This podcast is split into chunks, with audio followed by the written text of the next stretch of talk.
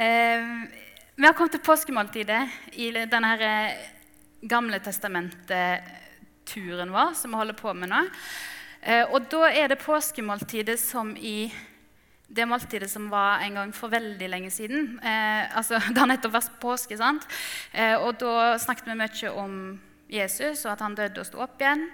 Eh, det var et måltid den påsken òg, der Jesus innstifta nattverden. Det vi er på i dag, er det måltidet som på en måte var før det igjen. Som, som lagde den tradisjonen som gjorde at Jesus faktisk hadde et måltid i siden påske. Eh, og, og, vi leser om det påskemåltidet i andre Mosebok. Og det er der vi, vi skal være i dag. Eh, og så vet jeg ikke om dere har opplevd når dere skal fortelle noe, eller Hvis dere har opplevd noe, så skal dere fortelle det til noen. Og så er det kanskje noen som dere ikke kjenner så veldig godt. Og så må du på en måte hele veien ta sånne, sånne avsporinger. Sånn der, ja, og så gikk vi dit. Eh, og det var egentlig løye, for vi hadde jo vært der en gang før. Og så da skjedde det og det, og så, og så sporer du tilbake igjen. Ja, og så kom vi inn den døra, og så traff vi han. Ja, og det var egentlig dritkleint på grunn av eh, og, så, og så bruker du en halvtime på å fortelle noe som egentlig du kunne sagt på to minutter. Ja? Eh, dere vet hva jeg mener. Eh, den fortellingen vi har i dag, eh, den er litt sånn at på en måte så er det en kort fortelling som, som vi skal gå gjennom på to minutter. Eh, men samtidig så er det en fortelling som knytter an til så mange ting som handler om Gud. Den knytter an til så mange ting som har skjedd tidligere i Bibelen, som skjer seinere i Bibelen. F.eks. dette med Jesus og hans påske. Eh, det knytter an til ting som angår oss. Så det er masse muligheter for sånne avsporinger og ting. Og vi skal ta noen av dem. Eh, noen av de parentesene og pilene som peker ut av denne fortellingen. Eh, og være litt nysgjerrige på det. Men, men, men, først så skal vi ta den der tominuttersversjonen. Og, og dere som har vært i MUF i det siste, dere har fått med dere starten. Dere vet litt hvor vi er. Eh, og nå skal vi altså videre. Men altså, israelsfolket, et stort folk, er i Egypt, der de er innvandrere og slaver. Eh, Moses han har fått jobben med å få dem ut av Egypt og til det landet som de skal ha, som er deres. Eh, men farao, kongen i Egypt, han sier nei. Han sier de ikke får lov å dra. Eh, og Gud sender forskjellige plager, og sånne ting, men, men de kommer seg faktisk ikke av gårde. Og så kommer finalen, som er der vi er i dag. Gud forteller at han skal sende en engel som skal ta livet av den førstefødte av både folk og dyr i hele Egypt. Men israelsfolket får en utvei. Eh, de kan ta livet av et lam og så ta blodet fra det lammet og male det på døra si, på ytterdøra si, på dørkarmen. Så skal de spise det lammet, og så skal de vente og stole på at det ikke kommer til å dø noen hos dem. Så kommer det faktisk ikke til å være noen inne i det huset som dør, selv om Gud har sagt han skal ta livet av den førstefødte i alle heimer i Egypt. Så gjør israelsfolket det. De dreper lam og maler blod. Eh, det funker. Eh, farao får en krise, og han lar de reise. Og Israelsfolket har fått beskjed om å være klar, så de kommer seg kjapt av gårde. Ellers, jeg tenkte på det så kjapt som det går an når det står at de er en flokk på 600 000 menn pluss kvinner og barn. Så jeg vet ikke, Det er jo liksom ikke bare å sette seg i bilen, men, men de, de, kommer seg iallfall av gårde og reiser fra dette landet som de har bodd i i 430 år. Det er fortellingen. Eh, og Så skal vi se litt av det òg. Eh, og det er et klipp fra en film som mange av dere har sett. 'Prinsen av Egypt'. Eh, så skal vi bare se noe av det som skjer i teksten vår i dag. Det er en barnefilm, jeg bare si det. Vi skal komme tilbake til litt av det. Eh, vi skal ikke lese hele bibelteksten vår i dag. Men det er fint hvis du tar deg tid til å lese den i kveld. Eksempel.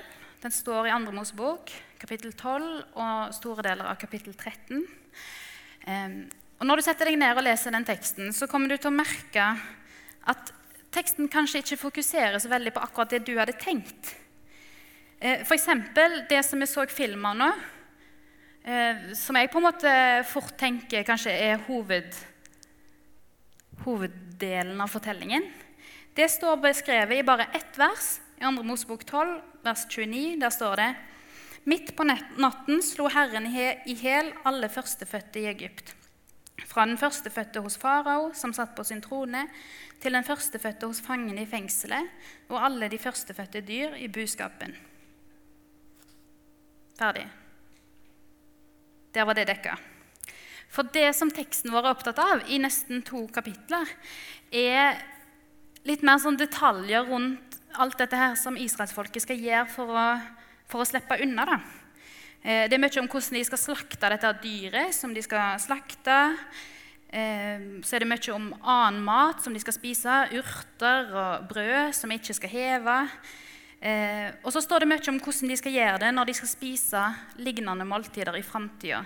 Så allerede der så skriver Gud en del om ok, dere skal gjøre dette i dag. Og så når dere skal gjøre dette seinere, så skal dere gjøre det sånn og sånn og sånn. Så det er liksom det teksten handler om. Eh, mens akkurat det vi så på filmen, det, det dekker de i et lite vers. Eh, og når jeg leste dette, så ble jeg litt overraska over det. For jeg tenkte liksom, ja, men det er jo dette som skjer. Det er jo alle disse her førstefødte som blir drept, og så får de reise. Eh, hvorfor, hvorfor, er det så lite om det og så, så mye om alt det andre? Eh, og jeg har en sånn tanke om at når Bibelen overrasker meg, Eh, enten på en positiv måte eller på en negativ måte, eller bare at jeg blir litt sånn Hæ? Eh, så er det verdt å stoppe opp. Og så er det verdt å sjekke ut ok, ja, men hvorfor er det sånn. da? Hvorfor sto det så masse i denne teksten om det der lammet og det måltidet og den maten? Eh, og det spørsmålet der har ført oss videre til det første punktet i dag eh, som er Bibelen sin fascinasjon eh, for måltider. Eh, for det er faktisk eh, ikke bare her det er sånn. Bibelen tar opp mat og måltider hele veien. Og plasser der vi kanskje ville fokusert på noe annet, så er Bibelen veldig opptatt av mat eh, og måltider. Og bare tenk på det. Allerede på side tre i Bibelen, når alt går skeis, syndefallet, så er det et ja, et mellommåltid, frukt, eh, som, eh, som, setter alt i gang. På de siste sidene i Bibelen så handler det om det som så mange plasser blir kalt et festmåltid, en feiring. Eh, det som skal skje i evigheten i himmelen. Og imellom der òg, første gangen Jesus gjør et under og viser hva han kan, så gjør han vann til vin under et måltid, under en bryllupsmiddag. Han deler ut fisker og brød til folk. Han blir frista av djevelen med mat. Han spiser fisk på stranda med vennene sine. Og så innstifter han nattverden, blant Eh, så historien og fortellingen i Bibelen går på en måte sin gang fra måltid til måltid. Så hvis du, trenger, hvis du har gått tom for bibelgruppeopplegg, så kan du ta den til høsten. Gjennom Bibelen måltid for måltid. Eh, men altså kan det virke litt sånn eh, tilfeldig, og kanskje er det bare at at jeg er glad i mat og alltid er sulten når jeg leser i Bibelen. Men, men det er jo litt interessant da, at Gud bruker disse måltidene som en sånn kjerneting. Og så, og så blir jo spørsmålet ok, ja, men hvorfor, hvorfor måltider? Eh, og så vet jeg ikke helt hva Gud har tenkt om det, men jeg har iallfall funnet fem ting som, som iallfall fall er gode grunner til at måltider er en fin ting for Gud å bruke eh, når han skal vise hvem han er, når han skal hjelpe folk til å tro på han, og forklare evangeliet og livet som kristen. Et måltid er konkret. Det er noe, sant? Du kan ta på det. Eh, et måltid med Gud er åndelighet som går an å ta på, som går an å være med på, ta del i. Når Jesus gjorde vann til vin, så var det noe folk kunne se. Måltider krever noe. De krever varme, de tar tid, de krever plass. De fører til oppvask, de koster noe. Du ser på en måte konsekvensene av dem. Når vi har vært med på et måltid, så vet vi det. Eh, det er ikke noe vi lurer på. liksom, 'Å, jeg har spist det, eller ikke.' Eller, ok, Av og til lurer vi på det. Men for det meste så vet vi at vi satt der og spiste den middagen. Eh, så for oss som, som, er kristne i dag, så er jo dette egentlig veldig genialt. For vi slipper å forholde oss til en Gud som gjør ting bare langt vekke, eller på abstrakte måter han gjør ting med mat. Det er konkret. Og så skjer måltid alltid sammen. Eller veldig ofte. Måltider er møtepunkter. Det er plasser der vi møtes og er like, fordi alle trenger mat. På samme måte som vi møtes her på gudstjeneste fordi alle trenger Jesus. Og vi trenger hverandre. Så F.eks. i teksten vår i dag, når israelittene skulle møte ei skremmende natt og en vanskelig ørkentur i mange mange år, så trengte de det, å sitte i lag, se på hverandre, støtte hverandre og bare være i det sammen. For De skulle ikke bare slakte det lammet og stryke det blodet, de skulle faktisk spise det i lag. Og jeg tenker, Gud ba dem om det fordi det var bra for dem. Måltidet tvang dem til å sette seg ned og være i lag i møte med det de skulle oppleve. Det tredje et måltid er ikke intellektuelt. Du kan gjøre det intellektuelt, altså du kan forske på det meste rundt et måltid. Eh, men, men, det å ta del i et måltid og spise det krever ikke at du har, har skjønt alt. Og det krever ikke at du tror alt heller. Eh, det er ikke sånn at eh, små unger eller folk som føler at de ikke strekker til ellers, eller de som sliter på skolen, som ikke liker ting som er teoretisk, det er ikke sånn at de eh, faller av. For måltider det er noe annet enn teori. Det er ekte, og det er nær oss. Og dette er noe som særlig vi, som er en del av en studentmenighet her i Oslo, bør tenke litt på. Eh, for mange av oss her bruker dagene våre på å lese og tenke og lære og forstå i forskjellige fag. Og det er viktig. Men det betyr ikke at vi ikke trenger å møte trua på andre måter. Og det er viktig å lese og lære og tenke på trua vår òg. Men f.eks. når vi får måltider i Bibelen og for nattverden, som er et måltid som vi har i lag som kristne, så får vi noe som som vi ikke er nødt til å tenke så masse på, som vi ikke er nødt til å analysere, men vi kan være med på det. Eh, og det sier oss noe om at, at det er ikke en mindreverdig måte å bli kjent med Jesus. Og vi har alle sammen dager, uansett hvor tørre teoretikere vi er, der vi trenger å få noe av Jesus som, som ikke krever at vi forstår, som ikke krever at vi skjønner og tenker og knekker koder, der du bare kan møte opp og oppleve at Jesus er der med deg. Og Da er måltidene i Bibelen en god ressurs. Måltider er menneskelige. Det er noe alle trenger. Og det er ikke spesielt bra sånn moralsk sett, eller spesielt dårlig av oss å være sultne. Det bare er sånn. Det lærer oss om at det er noen ting vi er skapt til å trenge. Fordi vi er mennesker, så trenger vi mat. Og fordi vi er mennesker, så trenger vi Gud. Vi er skapt for å trenge mat, vi er skapt for å trenge Gud.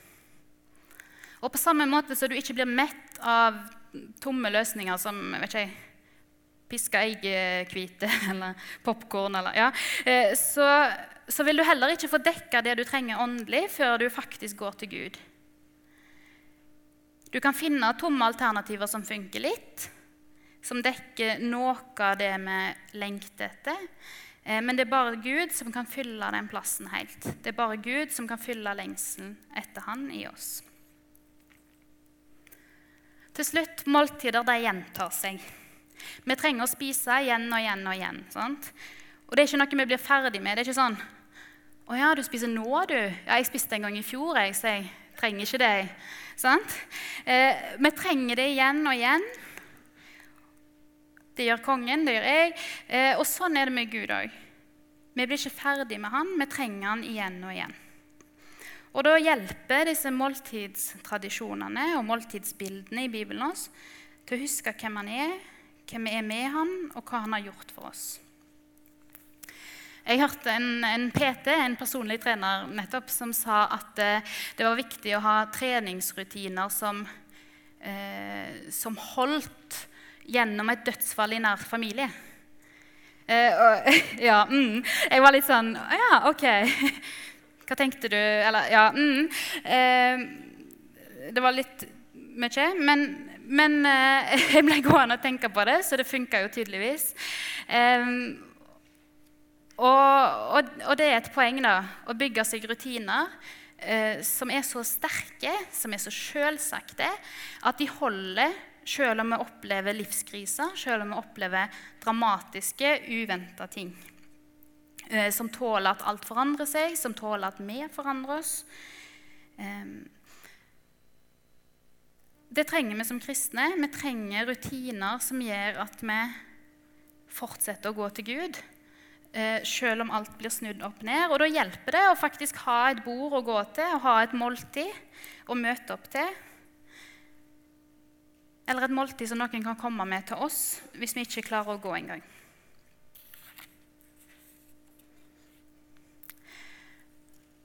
Ok, Dere skjønte at dette var første sånn pil og sånn sving, sant? og så nå skal jeg svinge det tilbake igjen. Eh, poenget er dette måltidet. Eh, så når Gud i 2. Mosebok 12 sier til israelsfolket at dere skal slakte et dyr og dere skal spise det, og så sier han dere skal slakte lam igjen og igjen og spise dem igjen og igjen i tusenvis av år, da vet Gud hva han driver med. For han gir dem noe som styrker dem fysisk, som styrker dem i lag. Og så gir han dem noe de kan huske, noe som alle kan være med på. Og så minner de om at de er mennesker som er avhengig av en stor Gud. Så jeg tror det er noe av det Gud driver med her. Han gir dem noe som de trenger eh, for å komme seg videre. Um, og jeg tenker Vi kan huske dette, og vi kan lære litt av dette. Eh, vi kan tenke på det når vi møtes for å spise sammen, både taco tacofredag eh, og ikke minst nattverden, når vi kommer i lag som, som menighet her og spiser brød og drikker vin i lag. Så er det òg et måltid som er konkret, som skjer sammen. Som ikke er intellektuelt, som er menneskelig, som gjentar seg, eh, som styrker oss i lag eh, og på veien videre i kristenlivet. Ok, det var måltidene. En annen ting som overraska meg litt da jeg leste denne bibelteksten, eh, som dere alle gleder dere enda mer til å finne fram i kveld og lese, eh, det er hvor sikker Gud var på at det kom til å gå bra. Ehm, for Gud han eh, snakker jo til et folk som har vært slaver, vært undertrykt i over 400 år. Ehm, og så har de sett veldig mye rart i det siste. De har prøvd å komme seg ut av Egypt, men ingenting har funka. Og så får de beskjed av Gud om at de skal slakte et lam, eh, og at nå skal de få reise fra Egypt. Ehm, og jeg syns ikke det er rart hvis en del av dem bare tenkte litt sånn Ja, ja, OK, Gud. Hører hva du sier. Kjør på. Vi får nå se. For nå se hvordan dette her går. Ehm, jeg tar litt med ro jeg, fram til du har vist noen resultater. Ehm, men Gud sjøl, i det han forteller dem, han er kjempeoverbevist om at dette kommer til å funke. Han er helt overbevist om at farao kommer til å la dem reise fra Egypt. Ehm, for Gud sier nesten mer om hva de skal gjøre etterpå, enn det han sier om hva de faktisk skal gjøre nå. Han forklarer at de skal ofre et dyr, og alt sånt, men så snakker han masse om Så da, når dere kommer til det landet som dere lengter etter, og så i generasjonene framover, når dere spiser påskemåltid for å minnes det som skal skje i dag, da skal dere gjøre sånn og sånn. Da skal dere si dette og dette til hverandre. Da skal dere huske sånn og sånn. Eh, så Gud, han vet at dette kommer til å funke. Og han er opptatt av å gi israelsfolket instrukser nå når de er villige til å høre på. For hvem vet, kanskje er de ikke så opptatt av å følge med seinere. Um, men Gud har kontroll, og Gud vet at dette kommer til å gå bra, selv om de sannsynligvis på en måte har god grunn til å tvile på om det stemmer. Men Gud vet hva som kommer til å skje, og Gud vil alltid mer. Den kvelden så tenkte ikke Gud bare på de 600 000 mennene pluss kvinner og barn. Han, tenkte på alle som kom etter dem. Han starta noe den kvelden som ble viktig for israelsfolket, som ble viktig for Jesus i livet hans, som har blitt viktig for oss. Så Gud ville noe mer, og han visste at det kom til å funke. Eh, og sånn er det for alle som, som møter Gud. Når vi hører ting fra Gud, eh, når Gud setter ting i stand, så er han faktisk så sterk at han vet at det han setter i gang, det kommer til å funke. Eh, og det kan av og til være litt sånn vanskelig å forholde seg til for oss, for vi vet jo ikke alltid det. Og vi vet ikke alltid helt hva han egentlig mener. og alt sånt. Eh, men det er sånn Gud er. Når Gud starter noe, så vet han at det kommer til å funke. Og han vil alltid noe mer. Han tenker alltid lenger, han tenker alltid på flere. Det er flaks for oss at han ikke bare tenkte på israelsfolket den kvelden, men at han tenkte helt fram til i dag, til andre land, til andre generasjoner. Um, og det gjør han med våre liv òg. Når Gud gjør ting i våre liv, så er han opptatt av det han gjør i livene våre, for all del. Men så tenker han alltid litt lenger òg. Så tenker han alltid ja, men OK, nå gjør jeg dette.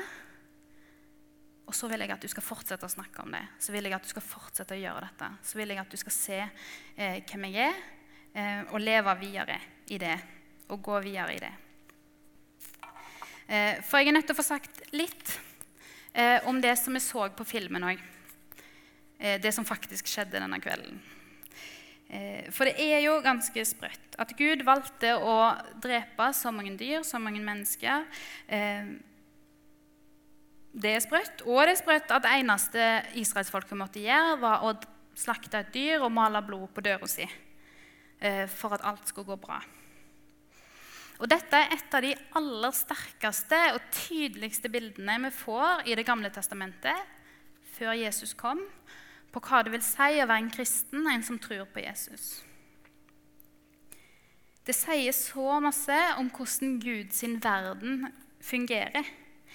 Og, og ei liste med punkter over hvordan Gud sin, sin, verden fungerer, den vil aldri bli komplett. Eh, det er ikke det jeg sier, eller det er ikke det jeg har prøvd på her. Eh, men her er noen punkter som jeg tenker teksten og fortellingen vår i dag eh, lærer oss noe om. I den fortellingen, det vi så på filmen om den natta, så lærer vi at Gud er allmektig. Det sa jeg litt om i stad òg, at han vet hvordan det går og at han gjør ting som kan være vanskelig å forholde seg til. Det var det som var så ekkelt med den filmen, sant? at Gud satt faktisk i gang noe der veldig mange mennesker ble drept. Mange uskyldige folk, mange unger. Sånn, sånn der som går inn en dør med den krukka, og så plutselig så bare Det er, det er veldig brutalt. Eh, og så dør de bare fordi de ikke var i rett folkegruppe og ikke hadde fått disse instruksene om hva de skulle gjøre. Og jeg har lyst til å ta det med fordi at Fordi at det, det er så tydelig i denne teksten. Eh, men jeg vet ikke helt hvordan jeg skal løse det for dere. Og Jeg leste faktisk i, i kommentarfeltet under det klippet det fra YouTube så så jeg noen som kommenterte eh, at de hadde mista trua si på Gud av å se akkurat den delen av den filmen. Og det skjønner jeg faktisk. For det er helt sykt at Gud bare Å ja, men nå skal jeg drepe alle disse menneskene. Fordi det passet meg i dag. Og så viser det noe om hvor rå og hvor allmektig og hvor suveren Gud er. Og sånn er det jo fortsatt. Gud er jo den samme nå som han var, var da. Eh, og vi vet at Gud han styrer faktisk en verden der folk går fortapt. Der det skjer vonde ting som han egentlig kunne ha stoppa. Vi vet at han helbreder noen og ikke helbreder andre. Sant? Og det er så mange ting. Eh, og det er vi nødt til å forholde oss til. At vi er nødt til å forholde oss til at Gud er Gud. Og det blir veldig tydelig i akkurat denne fortellingen. Eh, og det utfordrer oss kanskje ekstra masse fordi vi lever i et samfunn nå Der vi er vant med å ha oversikt, vi er vant med å være i sentrum for vårt eget liv. Vi er vant med å ha rettigheter og systemer som beskytter oss så godt som mulig mot det som er vondt. Og så må vi liksom stole på at Gud er god likevel, selv om han viser sider av seg sjøl som, som ikke liker. Så må vi stole på at det er trygt å forholde seg til han. Eh, og vi kan ikke ta alt det i kveld. eh, men noe av dette skjer. Den tilliten til at Gud tross alt er god, og at det tross alt er trygt å forholde seg til han, den tilliten vokser når vi blir bedre og bedre kjent med han. Når vi opplever, får erfaringer av hvordan han fungerer, og når vi forstår mer av hvordan han har bygd opp verden. Og så hjelper det å se at det tross alt ikke er umulig å gjøre det han ber oss om. Det er ikke sånn at han er en sånn ekkel diktator som har laget en vanskelig situasjon, og så gir han oss en enda vanskeligere løsning. Gud vet at verden er en vanskelig situasjon.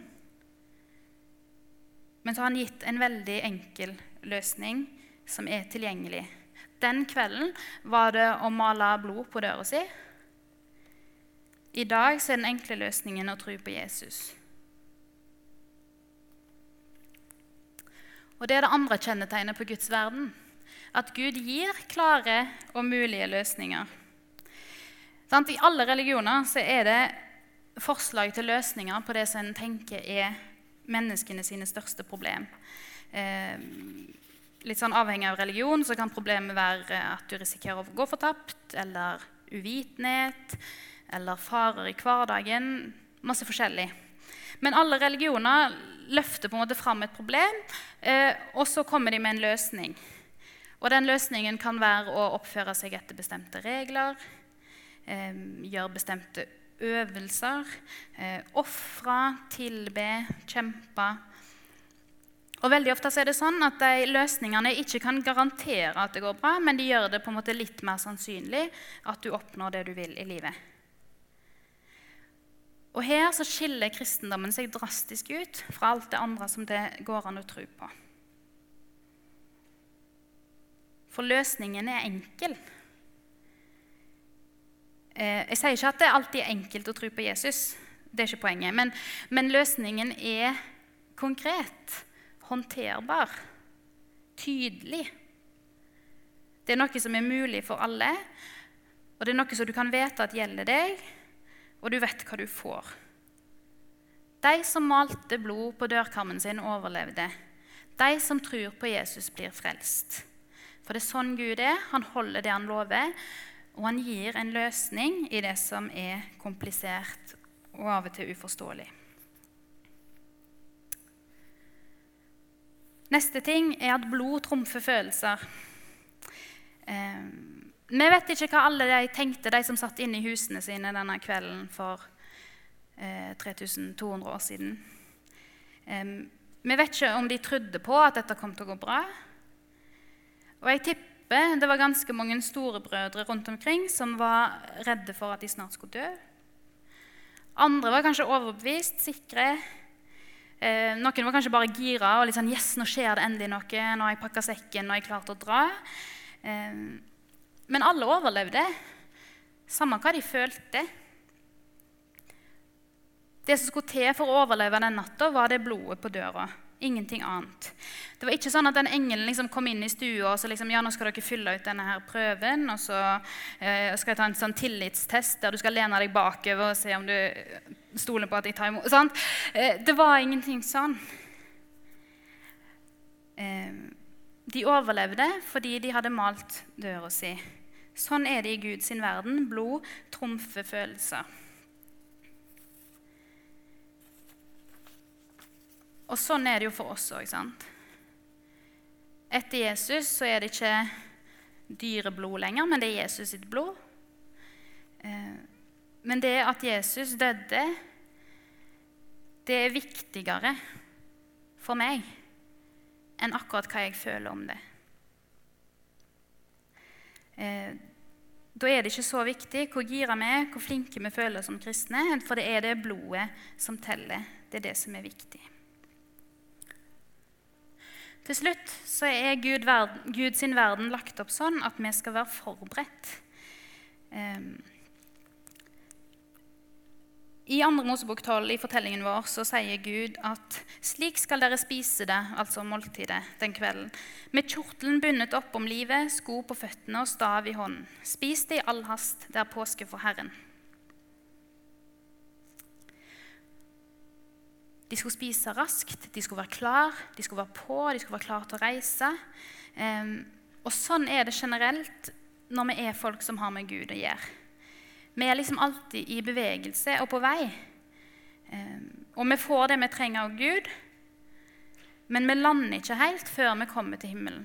Så akkurat sånn som Israelsfolket var på tur i mange mange år, og det skal vi snakke mer om de neste ukene òg. Altså de opplevde på tur før de kom til, til landet der de skulle bo. Eh, på samme måte som vi som kristne òg alltid litt sånn på reise. For livene våre her vil aldri gå helt opp. Vi har alltid et mål, som er å komme til himmelen. Eh, så da må vi alltid være klare for å finne ut av livet, for å møte mennesker for å ta kamper med oss sjøl, med andre, for å utvikle oss, for å vokse, for å søke Gud igjen og igjen. For vi hører faktisk til en annen plass, og vi følger regler som er annerledes enn de som er i samfunnet rundt oss. Og vi skal være klare for å forsvare det vi tror på, for å være på reise og til slutt en dag ta det skrittet inn i evigheten i himmelen.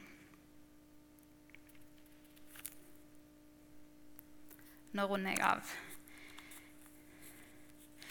Det var noen ting om hvordan Guds verden fungerer. Og Guds verden, det er vår verden. sant? Det er bare at vi av og til trenger å bli minnet på det, at det er faktisk han som har skapt denne verden vår.